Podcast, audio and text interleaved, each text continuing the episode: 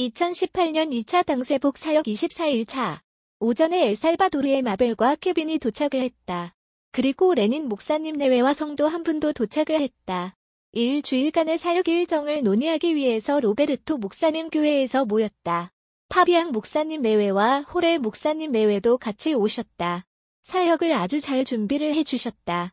3팀으로 나누어져 진행이 되는데 1팀은 한국팀 일부와 로베르토, 파비앙 목사님으로 구성되어 모렐루스와 베라크루스로 간다. 2팀은 마벨과 이달고 목사님으로 구성되어 마사틀란으로 가고 3팀은 박 목사님을 비롯 한국팀과 레닌 목사님 그리고 케빈이 함께 해서 레온 중심으로 사역을 하게 된다. 식사를 하고 모임을 하는 중에 한국의 새벽 예배 시간이라 잠시 실시간으로 참여를 했다. 잠시라도 진행되는 사역에 대한 것과 그 분위기를 전달하는 것이 성도들에게 유익이 되리라는 생각 때문에 시간과 와이파이 상황이 허락이 되면 계속 들어가고 있다. 남미의 베네수엘라, 중미의 엘살바도르 이후에 북미의 멕시코 사역을 하게 된다. 특히 이번 멕시코 사역은 총 3팀이 4개 주에 흩어져서 진행을 하게 된다. 베네수엘라, 과테말라, 엘살바도르, 한국팀이 들어와서 같이 사역을 돕는다. 일주일 동안 아주 사역이 빡빡할 정도로 풍성하다. 이런 분위기와 상황을 전달하면서 여러 나라에서 온 제자들과 실시간으로 인사를 하는 시간을 가졌다. 잠시 휴식 후에 파비앙 목사님의 교회에서 예배를 드렸다. 우리나라의 수요 예배처럼 중남미의 여러 나라들에서는 화요일과 목요일에 예배를 드리는 교회가 많다. 파비앙 교회도 그렇게 예배를 드리는데 그 시간에 해외에서 온 제자들 전부를 초청한 것이다. 오랜만에 파비앙 교회를 가 보게 되어서 좋았다. 교회를 가보니 많이 변화가 있었다. 우선 강단 위치가 바뀌었고 조명 등이 훨씬 좋아졌고 사방벽에 페인트 칠도 한 것 같고 무엇보다도 강단을 아주 아름답게 꾸몄다. 천장이 보통의 2층 건물 높이보다 높다. 몇 개월 전에 파비앙 목사님께서 천장에 여러 가지를 설치하다가 떨어지셔서 다리를 크게 다치셨다. 지금도 그 영향으로 다리에 철심을 받고 있는 상태시다. 그런 수고로 변화된 건물이라 조금 특별했다. 예배를 시작하기 전부터 정전이 되었다. 도심부 전체가 정전이라고 한다. 이런 일은 좀처럼 일어나지를 않는데 지금 일어난 것이다. 예배 시간을 넘어섰는데도 전기가 들어올 생각을 하지 않는다. 파비앙 목사님이 본인을 찾아와서 전기가 들어올 때까지 기다릴지 아님 지금 바로 할지를 여쭤본다.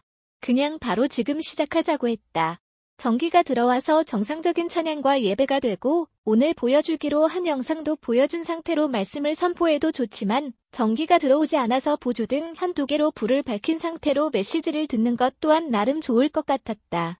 마이크도 안 되기 때문에 오히려 더 조용하게 들을 수 있어서 집중도가 높아지기에 그 또한 좋다. 기타 하나를 메고 올라가서 찬양을 하신다. 그럼에도 불구하고 찬양이 뜨겁다. 찬양 말미에 전기가 들어왔다. 그래서 여러 대륙에서 찬양하는 모습을 잠시 보여드리고 바로 본인이 메시지를 했다. 원래 오늘 메시지는 레닌 목사님께 부탁을 드리려 했는데 눈치 빠른 파비앙 목사님이 먼저 찾아와서 꼭 메시지를 해달라고 부탁을 하시는 바람에 본인이 하기로 하고 기도하면서 준비를 했다. 중남미 사역에 가장 먼저 들어온 나라가 멕시코다. 물론 쿠바의 교단 총회장들을 훈련시키기 위해 도미니카 공화국에서 수련장을 빌려서 집회를 하기도 했지만 그것은 그 나라의 사역이기보다 장소를 빌린 개념이다. 사역으로 논하자면 멕시코가 첫 사역지라 할 수 있다. 그리고 멕시코에 들어온 횟수만 해도 67번 정도 된다. 다른 여타 나라에 비해서 훨씬 많이 들어왔다. 그리고 중요한 목회자들이 색깔이 확실하게 일어서게 되었다. 그리고 파비앙은 아주 잘 준비된 목회자다. 찬양이 달란트는 타의 추종을 불허하고 잘 준비된 신학적인 지식에 말씀에 대한 사모함, 그리고 멕시코 특유의 유머까지 겸비하고 있고 겸손하기까지 해서 참선한 영향력을 많이 입히는 분이시다. 앞으로 세계 현장에 아주 귀히 쓰임받을 분이시다. 멕시코의 이 교회에 와서 멕시코의 제자들과 여러 나라에서 온 제자들에게 말씀을 전하는 것이다. 롬 16장에 언급한 나의 복음이란 주제로 메시지를 했다. 창세전부터 감추어져 있던 그리고 마침내 모든 민족이 믿어 순종케 할 신비의 계시로 전달된 이 복음이 내 것이 되는 참으로 나의 복음이라고 고백할 만큼 복음에 깊어지고 복음을 알아갈 것을 언급했다. 그 놀라운 복음을 먼저 받은 자들로서 계속 그 복음 속으로 들어가서 영적으로 전 세계를 끌고 갈 나라가 되었으면 좋겠다고 전했다. 메시지를 마친 후에 목회자들을 다 앞으로 불러내어서 앞으로 나갔다. 여러 나라에서 온 목회자들이 성도들 앞에 서니 성도들 또한 간격이 되고 우리 목회자들 또한 그러하다. 레닌 목사님께서 대표로 기도해 주셨는데 통역하는 광희가 옆에 없어서 어떤 내용인지는 모르겠으나 그 중심은 전달이 되었고 멕시코를 위한 간절한 기도 또한 전달이 되었다. 모든 예배를 다 마치니 10시 정도가 되었다.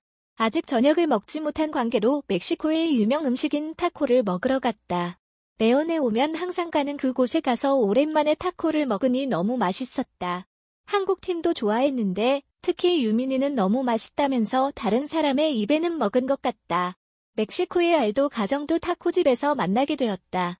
여러 상황으로 잠시 로베르토 목사님 교회와는 떨어져 있는 것 같은데 이 자리에는 참석했다.